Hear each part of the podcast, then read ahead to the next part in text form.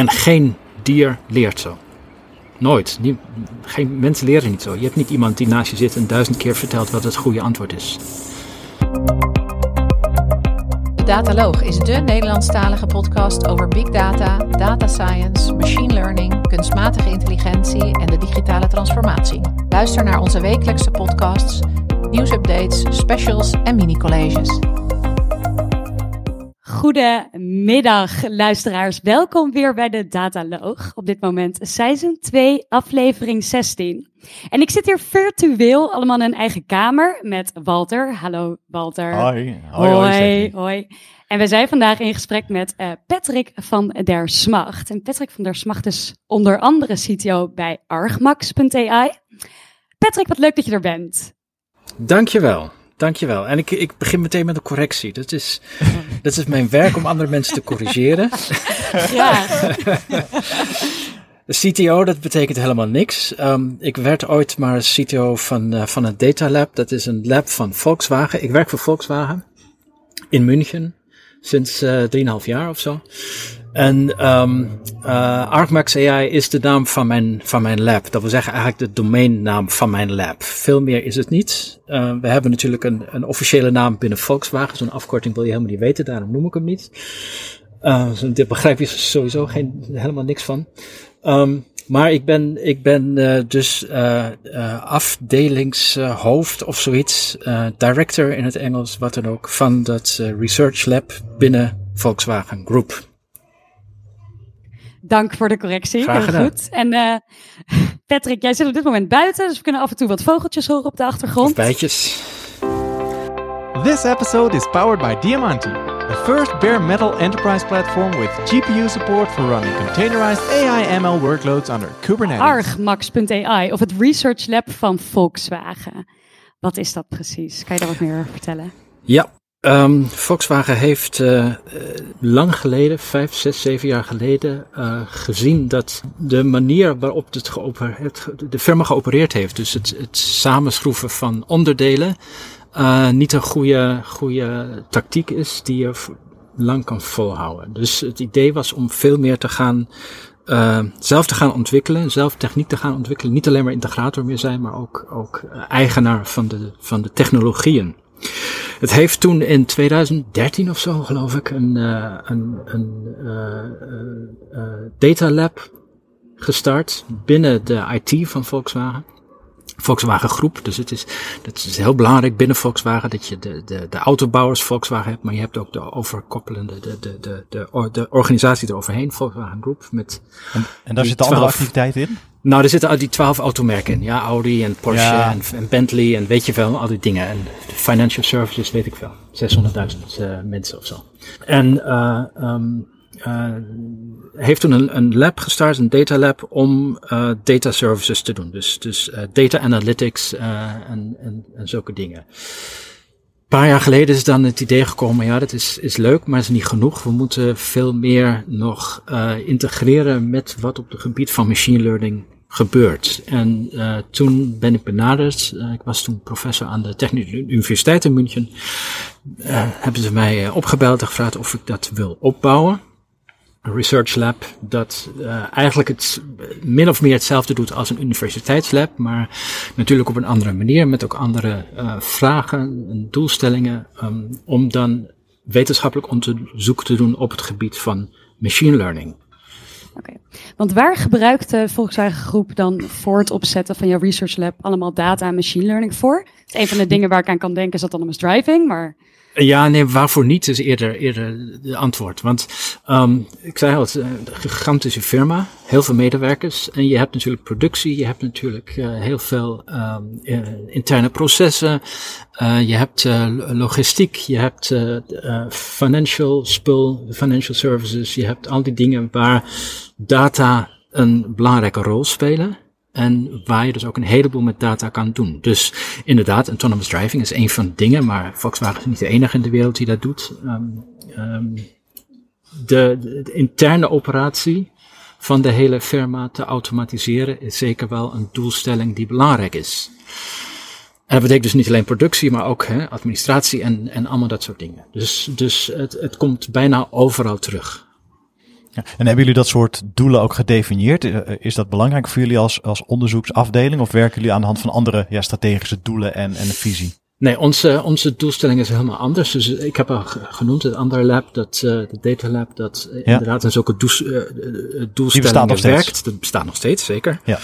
Um, en in, in de verschillende merken zijn ook zulke labs. En bij Audi is er eentje, bij, bij, bij, bij, bij Skoda is er eentje, en bij Volkswagen zijn er zulke labs enzovoort. Um, dus die werken eerder aan, aan toepassingen en proberen uh, kleine probleempjes uh, her en der op te lossen met, uh, met data, data-driven methodes. Mm -hmm. um, onze doelstelling is eerder wetenschappelijk onderzoek te doen en te kijken, oké, okay, wat, voor, wat voor methodes zijn er over vijf of tien jaar belangrijk? Dus wij werken niet aan bepaalde vraagstellingen, we werken niet aan bepaalde problemen, maar we werken aan methodes. Uh, we hebben een bepaalde visie. Mijn visie is daar om uh, te kijken naar methodes die, die uh, unsupervised werken, dus waar je geen mensen nodig hebt om je data eerst maar te maken, maar je direct van het gedrag van, van, van, een, van de data van een machine of wat dan ook gaat leren. Niet eens labels, uh, om het gedrag te modelleren en te voorspellen. Het gaat om modelleren en voorspellen. En uh, daar dan ook control mee te doen. Dus ik wil modelleren, ik wil voorspellen en ik wil optimale beslissingen maken. En dat is, ja, dat is voor iets, iets, iets voor mij wat, voor mij is dat iets wat, wat, wat eigenlijk biologische systemen doen, wat mensen ook doen. Je, je leert altijd uit je ervaring. En die ervaring gebruik je om, om te, te voorspellen wat er gaat gebeuren de komende, komende halve seconde of zo, of de komende twee seconden. En uh, aan de hand van die voorspelling probeer je optimaal gedrag te doen. En gaat het dan in de volle breedte van alles wat machine learning uh, is? Uh, ik kan me voorstellen, time series speelt daar een rol in, uh, regressie. Kijken jullie ook naar neurale netwerken en dergelijke? Ik hoor je over organismes praten, dan denk ik al gauw aan die kant, aan deep learning kant. Ja, ja, ja, ja. Klopt allemaal. Dus we doen reinforcement learning, uh, ja. we, doen, we doen een heleboel neurale netwerken, maar uh, voor, voor mij is een neuraal netwerk is een tool waarmee je, waarmee je snel een, uh, een, een, een waarschijnlijkheidsverdeling kan leren. Um, we doen een heleboel wiskunde, een heleboel probability theory. We doen een heleboel ja, inferentie met efficiënte methoden. Om dan inderdaad time series te leren, unsupervised en daarop optimal control te doen. Ja. En je zegt we, uh, Argmax uh, ja, bestaat uit een aantal promovendi die onderzoek uh, doen. Hoe, hoe, groot is die groep? Nou, ongeveer 30 mensen, vaste, vaste medewerkers, promovendi en, en, en studenten ook nog. Dus we hebben ja. heel, veel, heel veel samenwerking met universiteiten in Europa voornamelijk. Um, natuurlijk meest in München en een beetje minder in, in Duitsland en een beetje minder de rest van Europa, maar overal. Um, waar we onze promovendi en onze studenten dan ook uh, mee contacten hebben en ook zelf nog, nog onderzoeksprojecten hebben samen. Ja, want je begon de opname ook met het feit dat je veel uh, altijd bezig bent mensen te corrigeren. Maar dan begrijp ik dat wel als je zo'n groep hebt uh, die allemaal met onderzoek bezig bent. Dat je continu die aan het bijsturen bent en aan het stimuleren om het maximale te halen uit hun uh, onderzoeksinspanningen. Ja en nee, de beste ideeën komen natuurlijk van hen, niet van mij. Dat mag je niet vergeten. Want wat is jouw rol überhaupt precies als director van dat research lab? Wat houdt dat in? Nou, het is enorm frustrerend hoor. Maar kijk, als, het, het, idee van een professor aan de universiteit is altijd heel romantisch. Ja? Maar de facto ben je als professor aan de universiteit ben je bezig om geld te vinden. Om je, om je medewerkers te, te betalen. Dus het is, je bent, je bent 80, 90 procent administrator. En de rest is, dan heb je nog een beetje teaching. Maar dat laat je ook wel je promovendi doen. En, en dat was het dan wel ongeveer. Dat eerste valt bij mij weg, omdat ik het geld krijg, uh, het leeuwendeel van het geld van, van Volkswagen. Een klein beetje uit, uit Europese projecten. Dus inderdaad een enorme luxe, dat is fantastisch. Um, uh, maar daarvoor, daar tegenover staat natuurlijk wel een, een sterke administratie binnen het bedrijf. Um, uh, ik ben ook redelijk sterk politisch bezig, uh, Europese politiek en, Duitse politiek, om uh, uh, niet alleen te lobbyen, het gaat meer om, om de ontwikkeling van machine learning of, of AI, als je wil, te, goed te positioneren in, in Europa. Um, en daar een beetje uh, verstand voor te krijgen in, in, in onze samenleving. Om te zorgen dat uh, de derde uh, AI-winter niet komt, of tenminste niet zo erg komt als de eerste twee. Um, en, kan je dat even uitleggen, de eerste en tweede AI-winter? Ja, ik ben, ik, ik ben midden tachtiger jaren heb ik mijn masters geschreven op het gebied van neurale, netwerken. En um, 95 geloof ik ben ik gepromoveerd. En um, kort daarna of kort daarvoor um, werden neurale netwerken al, al uh, eigenlijk een vies woord. Er waren zelfs, zelfs tijdschriften die uh, artikelen waar het woord neurale netwerken in stond, uh, categorisch rejecten. Is dat zo? Eind 90 jaren, ja. Ja, heel makkelijk. um, en dat heeft geduurd tot 2006 ongeveer, of, of een beetje later 2009 in, in die tijd, waar het uh, dan getoond werd dat neurale netwerken toch wel goed zijn. Werd dat wetenschappelijk aangetoond of kwam dat vanuit uh, de technologische ontwikkeling, dat bijvoorbeeld rekenkracht ook toenam? Uh, ja, grotendeels het laatste helaas. maar het heeft ook dan wel tot nieuwe wetenschappelijke ontwikkelingen gevoerd. Um, uh, maar inderdaad grotendeels uh, uh, betere rekencapaciteit, betere data, gelabelde data, heeft dan daartoe geleid dat, dat neurale netwerken weer heel goed kunnen. Um, en dat was de tweede winter. De eerste winter heb ik gelukkig niet meegemaakt. Dat was vanaf 1969 tot 1984 of zoiets, of 83 heel vroeger, waar dan ook uh, in 69 werd getoond dat, dat uh, neurale netwerken, hoe die toen bestonden, uh, bepaalde dingen niet kunnen. Omdat het lineaire methodes waren toen. En dat werd in 84 eigenlijk, eigenlijk dan, dan weerlegd door iets, iets moeilijker te maken. En jij probeert dus de derde AI-winter te voorkomen. Dat betekent dat je probeert om ervoor te zorgen dat AI-modellen en neurale netwerken wel in productie worden gebracht of meer toepassingen krijgen. Ja, je moet, je moet, speelt daar ook een rol in. Ja, je moet, je moet beide kanten doen. Je moet aan de ene kant moet je inderdaad voor zorgen dat uh, um, die methodes die nu werken, dat die, dat die ingezet worden. En ook dat de nieuwe methodes die nog niet goed werken, dat die goed gaan werken. Maar aan de andere kant moet je ook duidelijk maken dat we nog lang niet zo ver zijn dat we, dat we iets als, als, als intelligentie kunnen reproduceren.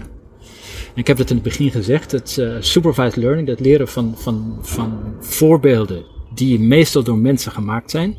Dat werkt fantastisch, ja. Daarom gaat ook image recognition uh, zo goed als, uh, als mensen dat kunnen. En, en uh, audio transcription, ja. We kennen dat allemaal in, in Skype enzovoorts. Um, dat het redelijk goed werkt.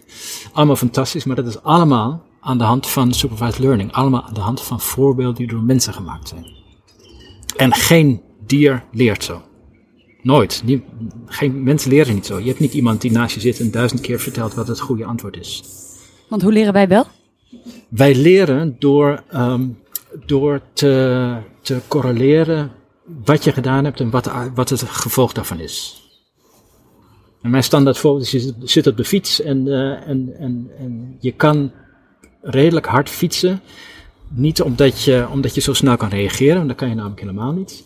Maar je kan wel voorspellen wat je moet doen om een bepaalde, bepaald ongeluk te, te voorkomen.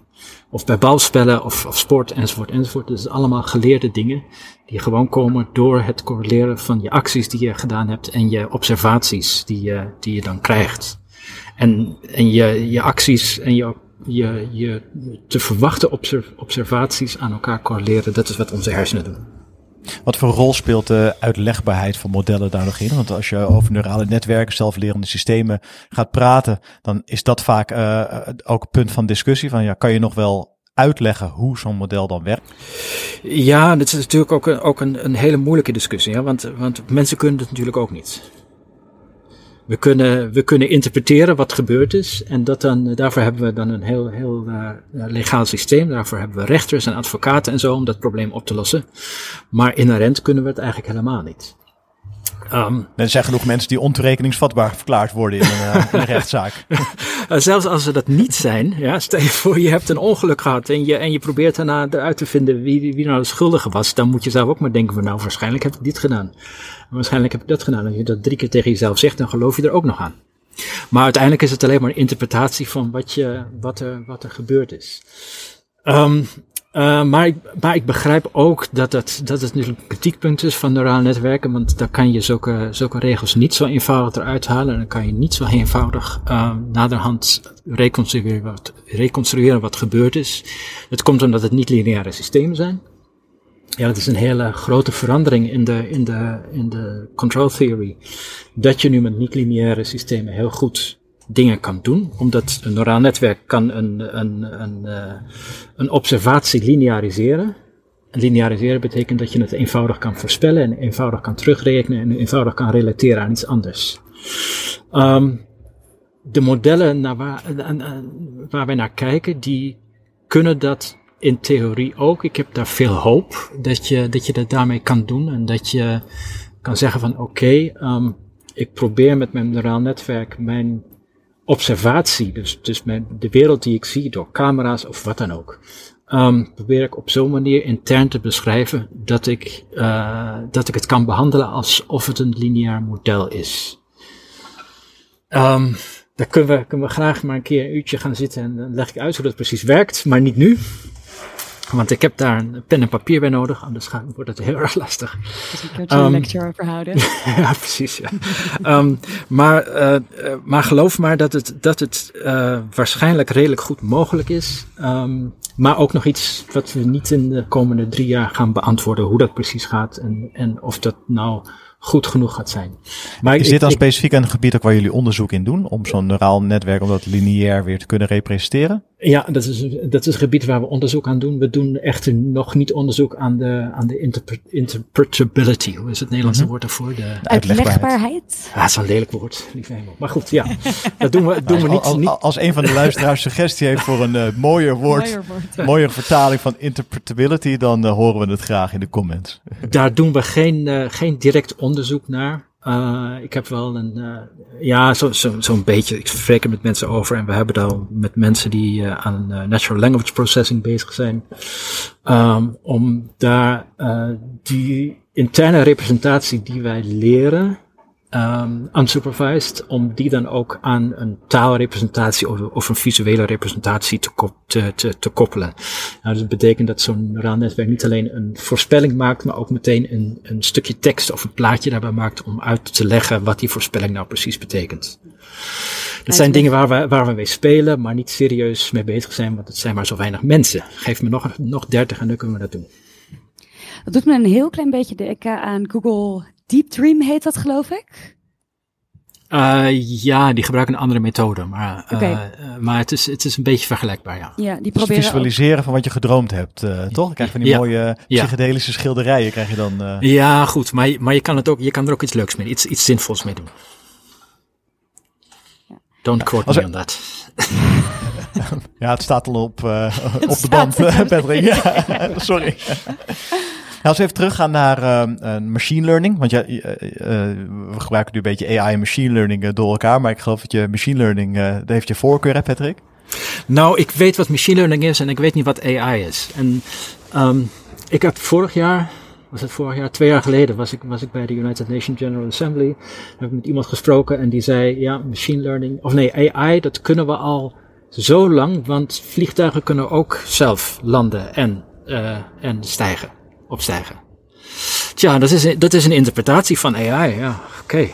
Als je wil, goed. Ik, wij noemen dat vroeger uh, control theory. Um, uh, als je dat AI wil noemen, dan is het prima. Maar het helpt niet in, in, in, uh, als, je, als je een discussie hebt. Machine learning is vrij duidelijk. Oké, okay, dan, houden we het bij uh, machine learning. Um, je, je, werkt natuurlijk bij Volkswagen. Um, hoe, waar zie je de grootste impact van machine learning voor ja, dit, dit concern? Is dat vooral bij de consument? Uh, denk aan zelfrijdende auto's, uh, predictive maintenance voor het onderhoud aan je wagen. Of ligt het vooral in de fabriek, hè, waar je die van fabriek compleet zelfsturend zou kunnen maken? Het is heel moeilijk om zulke, zulke voorspellingen te doen. Um, ik, ik denk ze zijn allemaal belangrijk. En ik kan nu niet zeggen wat nou over vijf jaar de, de grote, de grote, grootste impact, het grootste impact zal hebben. Um, ik hoop dat autonomous driving uh, iets gaat lukken op korte termijn. Ik heb geen idee of het gaat lukken. Ik, ik werk niet heel, heel nauw met de mensen samen die, die dat doen. Um, uh, maar ik denk dat interne optimering van, van zo'n bedrijf. En niet alleen van de fabrieken, want daar wordt natuurlijk is natuurlijk al heel veel geoptimaliseerd. Uh, maar ook van de, van de administratie en, uh, en controlling en allemaal dat soort dingen. Um, dat daar tenminste op korte termijn, en, en of dat nou twee of vijf jaar is, dat weet ik niet zo precies. Um, een boel te halen is, een boel te verbeteren is. En, en daar denk ik in de eerste instantie aan, aan, aan methodes om de data waar de mensen mee werken op een betere manier te representeren, zodat ze eenvoudiger beslissingen kunnen nemen. En moet ik dan denken, bijvoorbeeld, als ik denk aan optimalisatie van administratieprocessen, moet ik dan denken aan hele grote stapels papier die ik, weet niet, van papier op een bepaalde text recognition methode in een database krijg, zodat ik daar geautomatiseerder beslissingen op kan maken?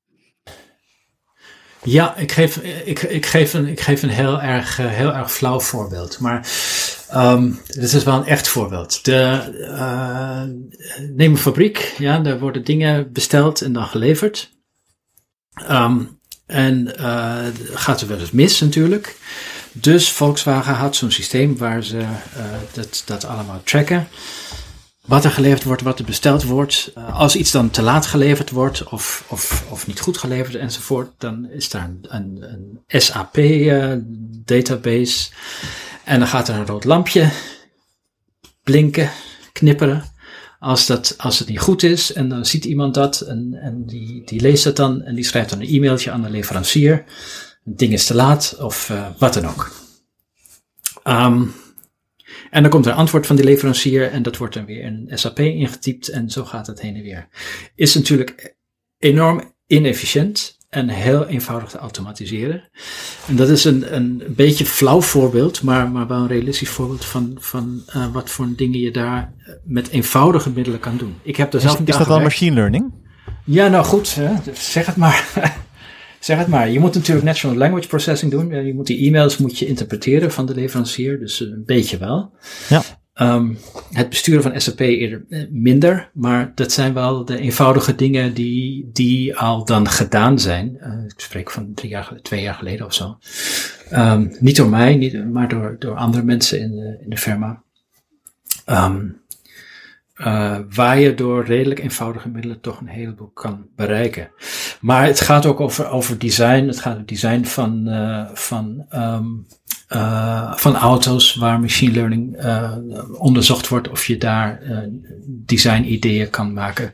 Het gaat ook over um, batterijenoptimalisering. Hoe je het, een, een, een batterij in een auto uh, optimaal gebruikt, een elektrische auto optimaal gebruikt, wat betreft laden en ontladen, uh, hoe je daar het beste kan rijden. Uh, we hebben inderdaad zelf twee jaar geleden een projectje gedaan met uh, Audi uh, Racing, de, de elektrische car, electric car racing. Ja. Um, om een, uit te rekenen hoe ze optimaal een circuit moeten rijden om de batterij perfect leeg te hebben aan het einde. En dat is een simulatie van zo'n batterij die je dan aan de hand van echte data kan, kan leren en dan kan de coureur kan vertellen um, uh, hoe, die, hoe, hoe optimaal gereden wordt om dan die, die uh, batterij aan het einde goed leeg te krijgen. Ja. Ja, dat zie je nu ook al in consumentenauto's. Hè. Zo, ik reed een paar jaar geleden een Opel Ampera en die had dan zo'n zo'n balletje. Die ging dan mee om te, mij te laten zien hoe effectief ik aan het rijden was. Uh. Ja, precies. Maar, maar, maar wat wij gedaan hebben is dan over, over een half uur berekenen. Dus hoe je, hoe je precies moet rijden zodat het ding over een half uur precies leeg is. Ja, en, en hoe komt dat dan binnen bij zo'n uh, zo'n coureur? Die zit in uh, zo'n mooie Audi e, e-tron raceauto. wordt het dan door, de, door de pitstraat inges, ingesproken of is er een dashboard voor? Ja, dat wordt ingesproken. Hè? Dat ja. mag natuurlijk niet direct. Er zijn reglementen voor, dus dat wordt ja. ingesproken. Ja. ja. Nu we het toch over auto's hebben, wil ik ja. toch nog even wat vragen over een van mijn favoriete onderwerpen. Uh, is ja. namelijk autonomous driving. Um, ja. Ik werk zelf in mijn werk uh, samen met Volkswagen aan hun ontwikkeling van autonomous driving systems. Um, als ik het goed begrijp, hoe ik het interpreteer, is dat een van de lastigste dingen in het ontwikkelen van autonomous driving gaat over uh, de edge cases. Dus de long tails van allerlei verschillende soorten scenario's. Bijvoorbeeld, hè, op een highway is het vrij makkelijk om je auto te laten rijden. Maar wat als er een uh, gele schoolbus voorbij komt? Daar hebben we misschien vrij weinig data van. Uh, dus dat is een edge case. Is dat naar jouw idee ook een van de uitdagingen wat betreft autonomous driving? Of hoe zie jij dat? Dat is eigenlijk een uitdaging in het geheel van, van machine learning. Um, het, heeft, het heeft veel te maken met wat, waar we ook mee zijn begonnen. Het, uh, het leren van veel data. Het leren van veel data is, is statistisch gezien heel makkelijk. Statistiek uh, heeft daar oplossingen voor, wis, wiskundige oplossingen voor, die al uh, 200 jaar oud zijn of, of 100 jaar oud zijn. En die dankzij neurale netwerken sinds een paar jaar ook goed efficiënt geleerd kunnen worden. Maar het heeft altijd, is altijd gebaseerd op bepaalde statistische aannames over jouw data. En eigenlijk is de aanname dat je, dat je oneindig veel data hebt en dat je daardoor een, een, een Gauss uh, distribution gebruikt, gebruiken kan om die data te beschrijven. En natuurlijk, zoals jij al zegt, in, in de echte wereld is je data nooit Gauss, want je hebt nooit oneindig veel data, maar je hebt maar weinig data. Um, en er zijn, zijn een paar methodes om daar aan te gaan. In de, de statistiek heeft daar ook weer een antwoord op. En dat is uh, uh, met priors. Uh, dat wil zeggen dat je een statistische beschrijving hebt van de wereld zonder data. En die kan je dan verbeteren met data, die beschrijving. En dat is Bayes eigenlijk. Bayes doet dat. Die zegt van ik heb een, ik heb een statistische beschrijving van, van mijn proces. En ik heb data en dat kan ik optimaal combineren. Heel leuk, maar ook dat is niet de oplossing voor alle problemen. Uh, want in veel gevallen heb je niet alleen maar je data, maar je hebt ook wel een redelijk goed idee van wat jouw machine eigenlijk doet. Je hebt die machine meestal zelf gebouwd, dus je hebt ook een, een, een formule die uh, bepaalde aspecten van jouw machine beschrijft. Uh, control theory gebruikt het natuurlijk altijd om die dingen te besturen. Um, maar het combineren van zulke formules en zulke, zulke beschrijvingen met nieuwe data is iets wat bij machine learning redelijk nieuw is en, en heel erg moeilijk is ook. Het, hetzelfde probleem is eigenlijk van hoe, hoe zorg ik ervoor dat ik verder leer. Ik heb iets geleerd en dan krijg ik nieuwe data. Hoe gebruik ik het oude geleerde met het nieuwe, uh, met mijn nieuwe data om verder te leren? Lifelong learning of continuous learning heet dat. Um, een van de problemen waar we, waar we heel duidelijk mee bezig zijn, en die het idee wat we daar, daar gebruiken, is te zeggen van, uh, van oké, aan de ene kant leer ik inderdaad um, uh, een representatie van mijn data waar ik goed mee rekenen kan. Maar ten tweede doe ik dan, uh, gebruik ik die, die formules die ik heb om mijn systeem te beschrijven in het voorspellen van de toekomst. Um, klinkt heel theoretisch, werkt redelijk goed uh, in, de, in, de, in de kleine, kleine toepassingen waar we het getest hebben. Um, met, met verschillende robots. Ik heb een robot uh, lab opgebouwd om dan zulke dingen zelf te kunnen testen zonder van anderen afhankelijk te zijn. Um, maar, maar het is, is een vreselijk moeilijk, vreselijk moeilijk thema. Uh, maar ik, zoals gezegd, ik denk dat de combinatie van modellen die je al hebt, van wat je beschrijft, met, uh, met, met uh, data daarvoor de juiste oplossing is. En dat, dat werkt natuurlijk ook bij autonomous driving, ja. Want, want bepaalde beschrijvingen van, van wat je gaat zien, die zijn al bekend. En daar kan je mee omgaan. Verkeersregels is een, is een, is een voorbeeld daarvan. maar hoe je dat goed combineert met geleerde data, dat is, is nog niet helemaal opgelost interessant. Dus dan kijk je inderdaad echt naar ik weet niet, het beter maken van, um, van je systeem zelf. Ik zie ook dat iets wat gebeurt in de autonomous driving space in ieder geval is het creëren van synthetische data. Dus hoe kan ik nou nepdata uh, maken om meer scenario's met gele schoolbussen uh, te creëren en daarop te trainen? Is dat ook iets wat jij ziet gebeuren in andere scenario's? Eh, nou, het is, is, iets wat veel mensen doen. En voor mij is dat een, eh, een flauwe truc. Want het betekent eigenlijk dat je een simulatie nodig hebt van datgene wat je, wat je probeert te leren. Mm -hmm.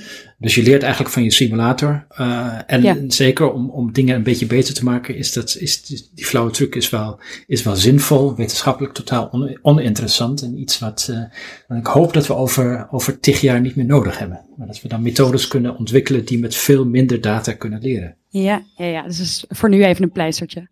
Zoiets, ja. Eerder in het gesprek, eh, Patrick, had je het over uh, de tweede golf van neurale netwerken die eigenlijk uh, gefaciliteerd werd door de technologische ontwikkeling. eigenlijk als je nu kijkt naar de huidige tijd met cloud-platformen die, die opkomen, die technologische ontwikkeling ook weer stimuleren. Bijvoorbeeld door TPU's en dergelijke te introduceren. En hoe, hoe zie je die afhankelijkheid van een marktpartij als Volkswagen van de technologische partijen als Microsoft, Google, Intel en dergelijke? Word je daar steeds afhankelijker van? Um, daar, zijn, we, zijn we heel erg afhankelijk van. Um, uh, en het is, eigenlijk een beetje jammer als je nu ziet dat, dat Europa op deze markt helemaal niks in te brengen heeft. En, uh, het is totaal droevig wat Europa daar, daar uh, voor elkaar heeft gekregen. Of misschien is het ook niet zo erg, want het is tenslotte één wereld en we zijn allemaal mensen en zo. Um, daar kan je op verschillende manieren over nadenken. Ik ben blij dat Volkswagen wel de, de uh, oplossing heeft gekozen om daar heel sterk met, uh, aan de ene kant met, met Amazon voor cloud computing en aan de andere kant met Microsoft voor cloud computing samen te werken. Om te zeggen van ja, oké, wij Europeërs uh, kunnen dat niet meer. We hebben, dat, we hebben daar niet goed geïnvesteerd in de, in de, vroeger en nu mm -hmm. moeten we dat maar met, met de Amerikaanse concurrenten gaan doen. Om toch de beste oplossing te vinden. Ik vind het een hele verstandige beslissing om dat zo te gaan doen. Ja. En voor um, Volkswagen zijn het Microsoft en Amazon, uh, geef je aan? Ja. ja kan je daar iets dus, over vertellen? Heb jij daar ook mee te maken vanuit uh, Argmax? Ik heb, daar, ik heb daar een beetje mee te maken. Ik ben daar in de, in de, in de planning van de, van de, um, uh, van de strategie uh, hier en daar uh, mee bezig. Een paar projectjes hier en daar. Um, met Microsoft doen we dat uh, met Connected Car. Dus, dus de, de customer data, de auto de data die, we daar, um, die daar gegenereerd wordt. Hoe kan je die inderdaad um, verzamelen? Hoe kan je die verwerken? Enzovoort, enzovoort. Daar hebben we een strategische coöperatie met, met Microsoft. Ja, dat is jouw domein, hè, Stephanie? ja, ongeveer wel, klopt. En de andere coöperatie is, zoals gezegd, met Amazon. En dan gaat het over uh, Connected Factory. Dus hoe krijg je alle data uit de fabrieken uh, samen? Hoe krijg je daar, daarzelfde platformen om daar veel efficiënter tussen de fabrieken kunnen uit te wisselen. En ook, uh, ook daar nieuwe fabrieken op te kunnen bouwen. Ik weet dat Amazon uh, ook wat een en ander naar, buiten brengt over quantum computing. Nou zag ik dat je jezelf ook bezighoudt met het gebied dat quantum machine learning heet. kan je daar iets over vertellen? Ja, Um, het is natuurlijk een feit dat onze, onze uh, Van Neumann uh, computer, ja, dus het idee met processor en een, en een, uh, en een geheugen en zo, dat het, dat het uitgediend heeft. Dus het is, dat is een Germanisme, sorry, maar dat het niet meer, dat het niet meer lang zal overleven, dat er geen toekomst meer in zit. Um, die dingen worden niet meer zoveel sneller als ze zouden moeten worden volgens, volgens Moore's Law. Is dat Law? Ja. Um, uh, en, en dat is het einde in zicht. Dus je moet een hele andere technologie moet je gaan volgen. En welke dat, ja. dat gaat worden over 10 jaar of over 20 jaar, dat is moeilijk te zeggen. Maar quantum computing is een van de mogelijke technologieën. Um, we hebben daarom uh, ook, ook uh, het is niet groot, maar een onderzoeksafdeling die zich met, uh, met quantum technologieën bezighoudt.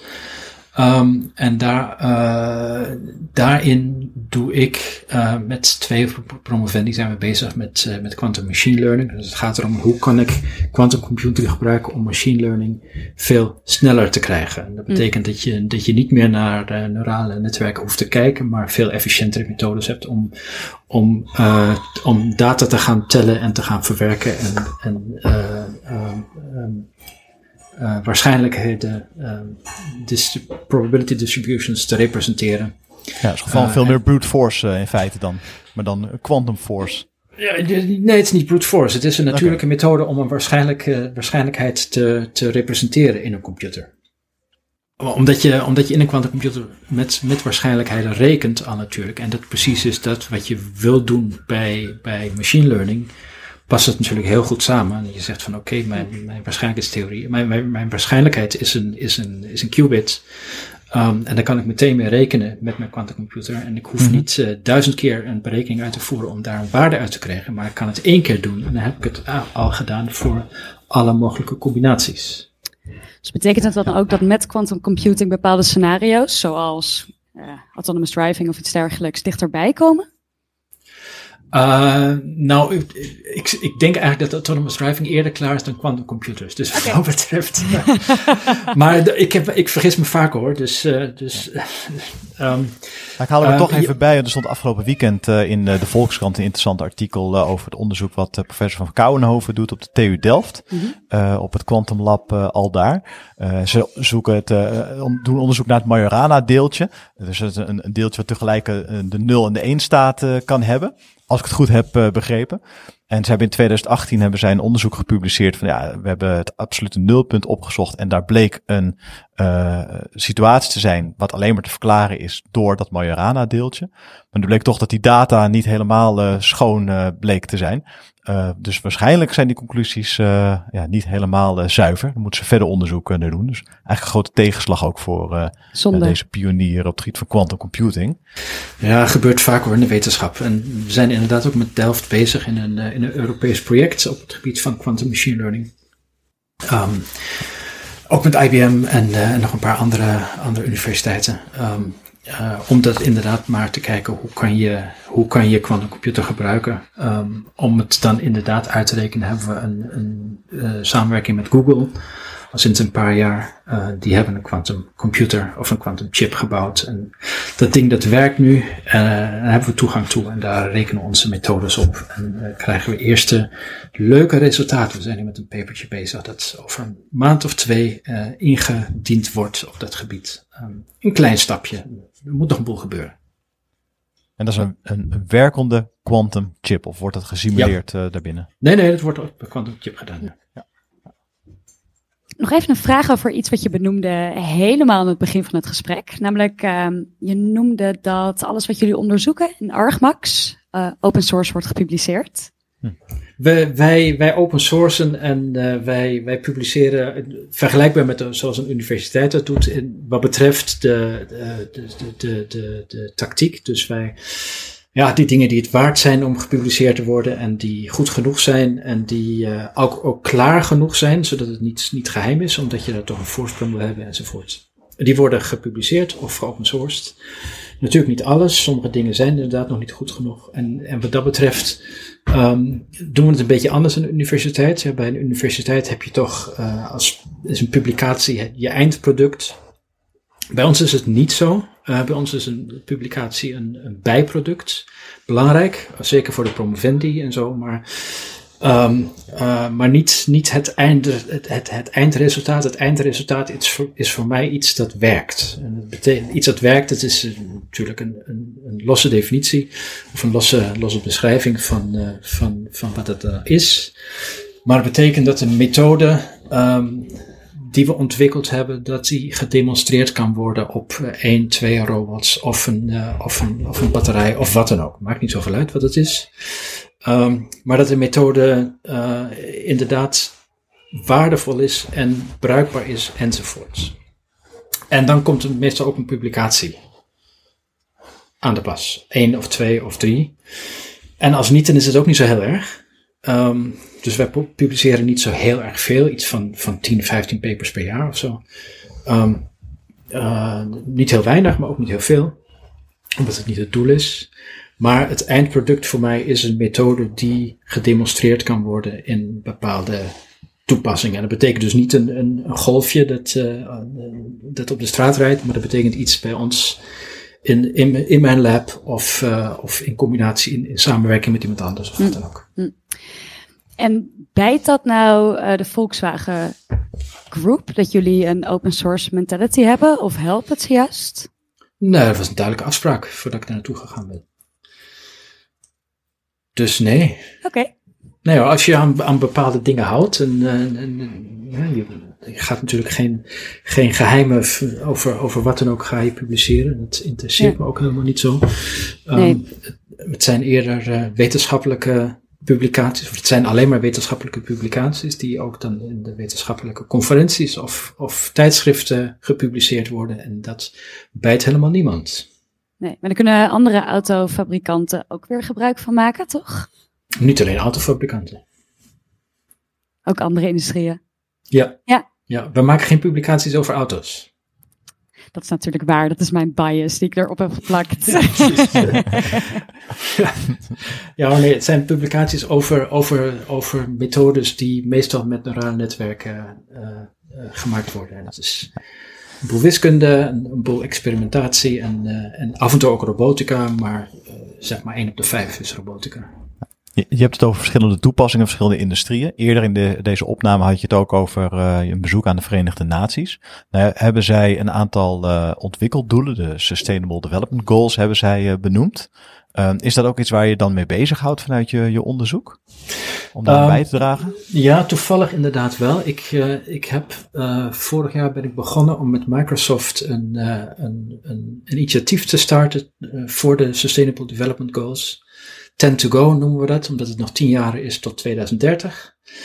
Um, en ons plan was om in, uh, in juni een, uh, een, een, een soort hackathon, maar het is geen hackathon te organiseren, waar circa 100 mensen gaan um, een, een oplossing vinden voor, voor een van de, van de SDG's, van een van de Sustainable Development Goals met machine learning. Uh, en de winnaar krijgt dan 100.000 euro, 50 van ons en 50 van Microsoft, om, uh, om dan hun, hun idee uh, te, te realiseren en dan een soort start-up te, te, te gaan te, op te bouwen, om dan een half jaar lang dat idee te, te, te realiseren.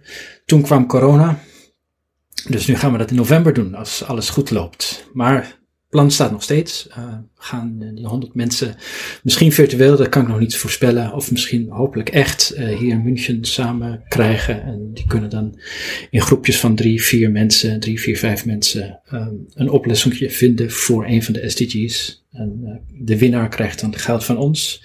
En de tweede winnaar krijgt geld van de United Nations Food Bank. Daar hebben we ook een oplossing voor. Dus ja, ja een beetje wel. En um, eerder hadden we het uh, ja, een beetje in het verlengde stuk daarvan hadden we het ook over uh, ontwikkeling met neurale netwerken, uh, modellen die zelf beslissingen gaan nemen. uitlegbaarheid is ter sprake gekomen. Ja, dan moet het ook nog hebben over de ethiek van machine learning en AI, denk ik. Hoe, hoe kijk je daar tegenaan? Nou, het is, een heel groot probleem eigenlijk. Hè? Er zijn heel veel um, uh, uh, schandaaltjes geweest over toepassingen van, van machine learning. Uh, ja, Google, Google Picture Scandal. 2015 of die, die chatbot van, van Twitter en Amazon die een HR tool had dat dan geen vrouwen aan wilde nemen. Ja, want die, die zaten niet in de dataset. Er zijn nooit vrouwen aangenomen, dus waarom niet tot het beginnen? Wel, ja. Precies, ja. ja um, en en dat, is, dat is een probleem. Um, en al die firma's hebben daarvoor dan uh, fantastische charters geschreven en, uh, en uh, regels waar ze zich aan houden van ja, we doen niet dit en we doen niet dat. Maar het is iets geloven van als een, als een ei, als een ei bio zou zijn, dan moet je dat ook wel geloven. Ja, bij eieren hebben we daar een oplossing voor gevonden. Daar komt dan een stempeltje op die door de Europese Unie gecontroleerd wordt. Daar heb je dan een beetje vertrouwen in, omdat je weet dat een onafhankelijke instantie dat controleert, um, uh, ook al gaat het ook wel eens mis, maar het is beter dan iemand zeggen van mijn spul is het beste wat je kan kopen.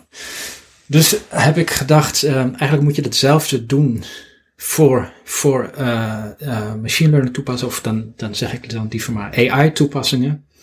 Um, hoe zorg ik ervoor dat een, ik als, als gebruiker als, uh, als, ja, als, als, klant van een firma, hoe zorg ik ervoor dat die methode mij inderdaad uh, niet voor de gek houdt en dat ook da dat allemaal zuiver is wat daar met, deze, met mijn data gebeurt, mm. met, mijn, met, uh, met de, de, de verwerking van die data gebeurt enzovoort. Een ethisch stempeltje um, voor AI. Ja, precies precies. En er zijn een heleboel initiatieven, zoals gezegd, die, die daarmee bezig zijn, die ernaar kijken. Maar zo'n echt stempeltje, dat is er niet. En uh, dat wil ik gaan doen. Ik heb daarvoor een, uh, een non-for-profit uh, ben ik daar bezig te starten. Met een paar universiteiten. Technische Universiteit München en in Berlijn. En Universiteit in Leuven. En eentje in Budapest. En ehm, dan nog een paar firma's naast Volkswagen, ook ABB en Siemens en uh, Deutsche Bahn en de Post in Italië. Nog een paar andere firma's en iets van tien firma's. Um, uh, samen kijken we naar hoe kan je dat het beste opzetten op zo'n manier dat je aan de ene kant uh, onafhankelijke organisatie start die uh, die ethische principes dan ook, ook meetbaar maakt. Ja, dat betekent dat, dat, ik, dat, ik, uh, dat ik geen bias heb in mijn data. Dat betekent dat voor mijn, voor mijn data scientist en voor mijn afdelingje. Um, maar ze dan ook uh, inderdaad gaat controleren aan de ene kant. Um, en aan de andere kant dan ook een, een stempeltje voor geeft om, om um, trustworthy te zijn en controleerbaar te zijn. Dat is het idee. Daar zijn we mee bezig. Dus het is moeilijk, vooral tegenwoordig nu uh, niemand meer geld wil uitgeven. Dus wordt alles een beetje lastiger. Dat betekent langzamer, maar uh, we, zijn er, we zijn ermee bezig om dat op te bouwen. Hopelijk volgend jaar daar een resultaat te kunnen presenteren. En hoe zou dat dan werken? Is dat dan een tool waar ik mijn algoritme doorheen haal? Of komt er een uh, commissie die dan modellen moet gaan toetsen? Hoe zou dat het eerste werken? zou het leukste zijn. Dat wordt heel moeilijk. Uh, want een stuk software ergens doorheen halen, dat, dat werkt niet echt goed om het te certificeren. Uh, dus, dus je moet inderdaad over, over commissies gaan spreken die, ja, net zoiets als, als ISO, die ISO-standaarden, ISO 9001 en zo, dat je daar dus op een bepaalde manier je productieproces, proces, toch? Ja. ja, ja, dat je, dat je een bepaald productieproces gaat, gaat controleren, daar regels voor, voor gaat opzetten. Um, elke andere methode is, is te moeilijk en dat betekent te duur. Ja, duidelijk. En uh, ik denk dat uh, ja, de tijd er ook wel voor is. Uh, met de gemeente Amsterdam hebben we er ook, ja, weet ik dat ze ook mee bezig zijn om dat soort keurmerken te maken. Van ja, waar, waar moet nou een model aan voldoen? En het gaat dan verder dan ethiek, maar ook bijvoorbeeld over het, het intellectueel eigendom. Hè. Op het moment dat zij met een externe partij hebben gewerkt die een model heeft ontwikkeld. Ja, bij wie ligt dan het IP van dat model? Ja, dat zijn, dat zijn van, die, van die heerlijke spannende nieuwe vragen waar we, waar we lang over kunnen discussiëren en dat ook helaas ook moeten. Ja. Ja, ja, is dat een volgende ontwikkeling uh, op het gebied van machine learning, denk je? Dat we nu veel meer naar die rand, ja, randzaken, noem ik het even, gaan kijken. De ethiek, uh, eigendom, uitlegbaarheid. Nou, het probleem is een beetje dat, uh, dat je een vervaging krijgt van, van branches. Ja, het is niet meer duidelijk uh, wie wat produceert en waarvoor. Omdat je door het doorgeven van modellen en van getrainde modellen enzovoort, dat, dan, dat het inderdaad allemaal heel vaag wordt. Dus dat betekent ook dat, uh, dat uh, regelen, reglementen die bestaan niet meer allemaal toegepast kunnen worden. De Europese Unie is met een, een nieuwe white paper dat in februari uh, uit is gekomen. Zijn ze nu met een public consultation bezig om dat soort dingen te beantwoorden. En dat is een gigantische chaos, want um, niemand weet eigenlijk precies waar hij over praat. als, als over vijf jaar um, de branches helemaal vervaagd zijn, over tien jaar.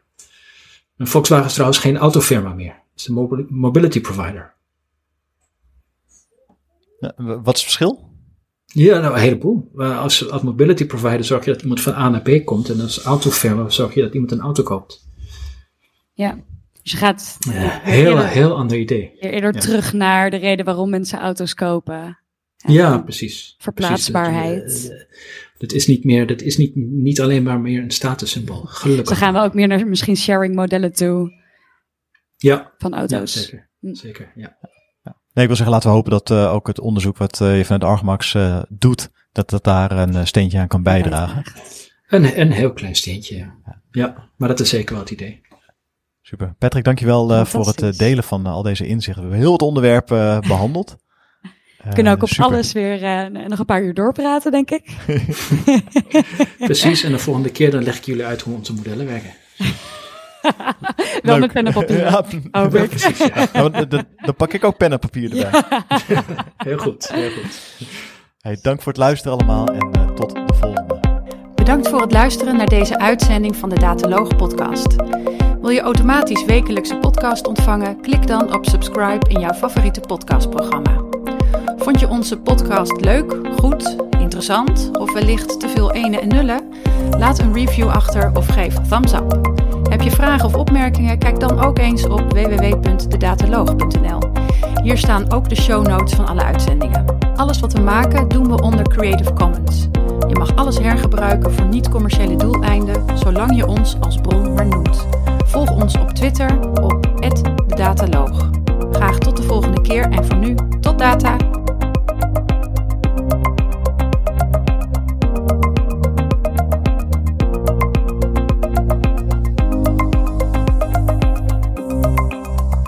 Aanzetten. Ja. Ja. ja, we komen toch nog eventjes terug. Dit is een zegt, ja, je, hebt, je hebt een belangrijke vraag uh, heb je niet gesteld. Steven, wil jij het stellen? Jij bent, jij bent al autogek Patrick. hier. Eh, wat voor een auto rij je eigenlijk? Een Azor. Gemaakt in Leeuwarden met twee, twee wielen. Voor eentje, achter eentje. Moet je zelf trappen ook nog? Ja, je moet er zelf trappen. Dat, dat zit er wel bij. ja, maar eh, snel gaat hij niet, maar hij kan wel een heleboel ver- vervoeren. Ja, ik woon in een grote stad en ik heb, ik heb dus gelukkig geen last van een auto.